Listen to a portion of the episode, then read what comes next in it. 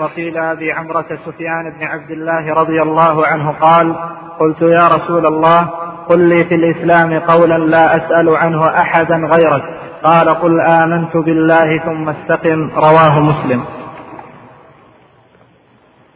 هذا الحديث أيضا من أحاديث الوصايا وهو الحديث الواحد والعشرون.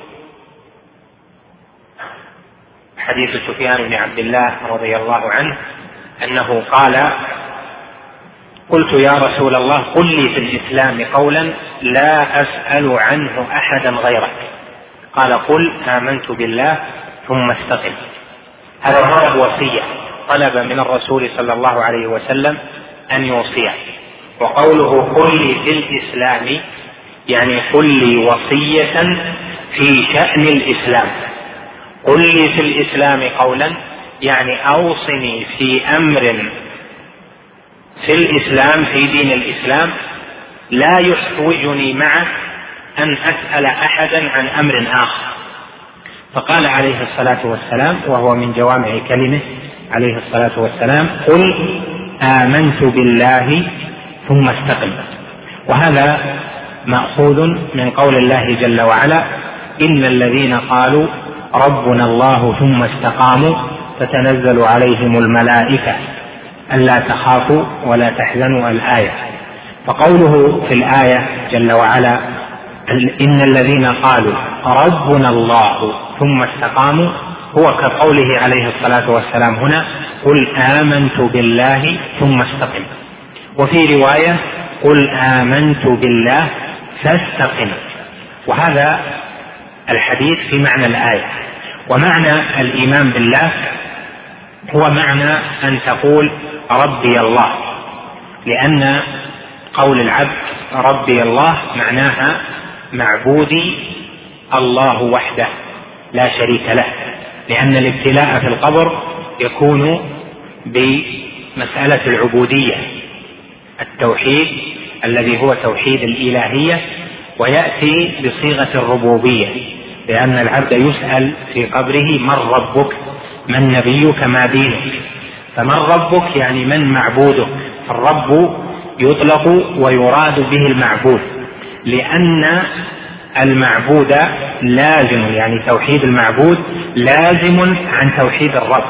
فتوحيد الإلهية لازم لتوحيد الربوبية. فمن أيقن بتوحيد الربوبية لزم عنه أن يوحد الله في الإلهية وفي أسمائه وصفاته. لهذا كان الاحتجاج في القرآن على المشركين كثيرا في توحيد الربوبية. الاحتجاج عليهم بتوحيد الربوبية في توحيد الإلهية. كما في قوله جل وعلا قل من يرزقكم من السماء والأرض امن يملك السمع والأبصار ومن يخرج الحي من الميت ويخرج الميت من الحي ومن يدبر الأمر فسيقولون الله فقل أفلا تتقون فذلكم الله ربكم الحق فماذا بعد الحق إلا الضلال وكقوله ولئن سألتهم من خلقهم ليقولن الله وكقوله ولئن سألتهم من خلق السماوات والأرض ليقولن خلقهن العزيز العليم والآيات في هذا كثيرة. وطريقة القرآن أنه يحتج على المشركين بما يقرون به وهو توحيد الربوبية على ما ينكرونه وهو توحيد الإلهية.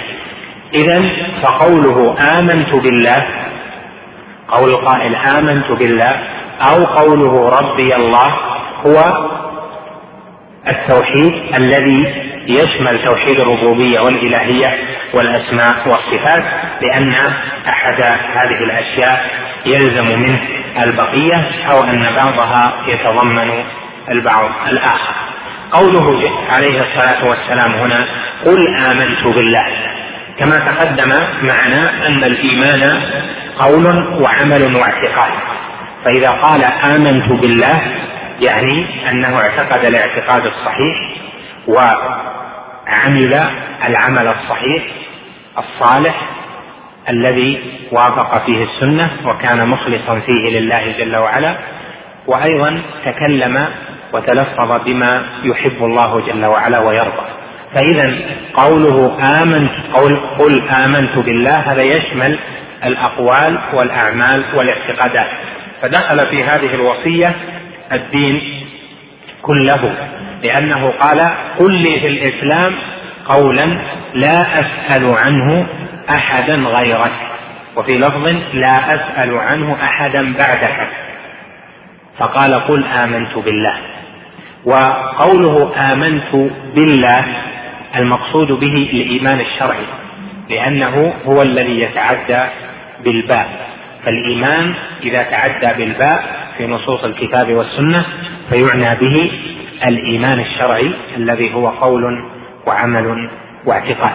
وكما ذكرنا لكم سلفا في شرح حديث جبريل أن الإيمان مشتق من الأمن.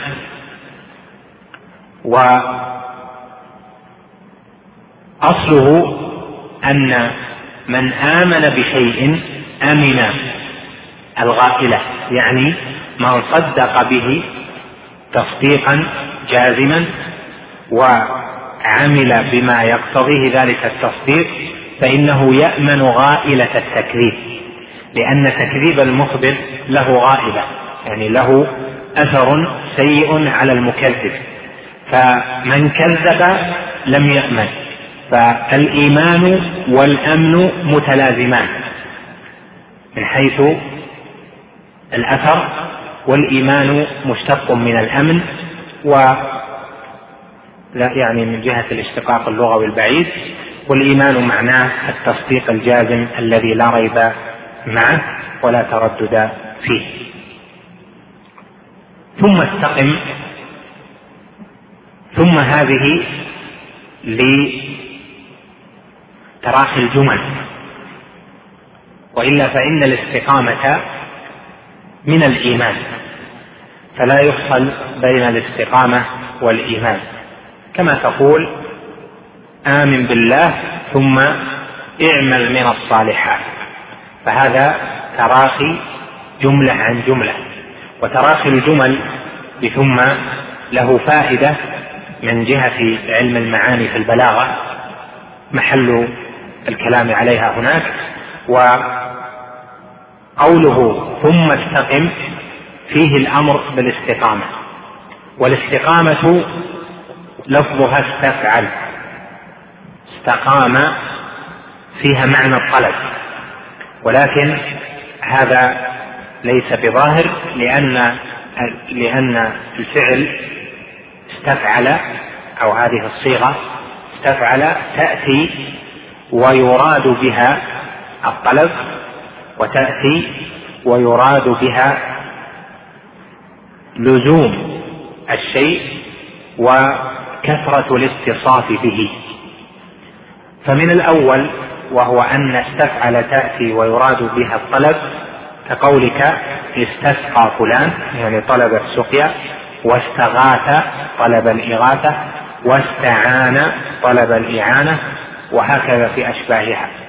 ومن الثاني وهو أن استفعل تأتي ويراد منها لزوم الوصف وكثرة الاتصاف به. وعظم الاتصاف به كقوله جل وعلا مثلا واستغنى الله في سورة التغابن واستغنى الله يعني غني. استغنى ليس معناه طلب الغنى ولكنه غني بغنى لازم لذاته وكثر وعظم جدا فإذا استفعل هذه إذا تغيرت أو إذا لم تستعمل في الطلب فيعنى بها لزوم الصفة للذات وكثرة الاتصاف وعظم الاتصاف بها بحسب ما يناسب الذات. فإذا استقام يعني إن الذين قالوا ربنا الله ثم استقاموا فاستقم كما أمرت ومن تاب معك فاستقيموا إليه واستغفروه وهكذا. استقيموا ليس معناها طلب. الشيء ولكن معناه الإقامة على هذا الدين الإقامة على الإيمان وأن تعظم الأوصاف أن يعظم وصف الاستقامة وصف الالتزام به وأن يعظم وصف الإقامة عليه. ولهذا نهاية الشريط السادس كلمة الاستقامة تشمل لم تنتهي مادة هذا الشريط بعد. نأمل متابعة ما تبقى على الشريط التالي. به وعظم الاتصاف به كقوله جل وعلا مثلا واستغنى الله في سورة التغابن واستغنى الله يعني غني استغنى ليس معناه طلب الغنى ولكنه غني بغنى لازم لذاته وكثر وعظم جدا فإذا استفعل هذه إذا تغيرت أو إذا لم تستعمل في الطلب فيعنى بها لزوم الصفة للذات وكثرة الاتصاف وعظم الاتصاف بها بحسب ما يناسب الذات. فإذا استقام يعني إن الذين قالوا ربنا الله ثم استقاموا فاستقم كما أمرت ومن تاب معك فاستقيموا إليه واستغفروه وهكذا.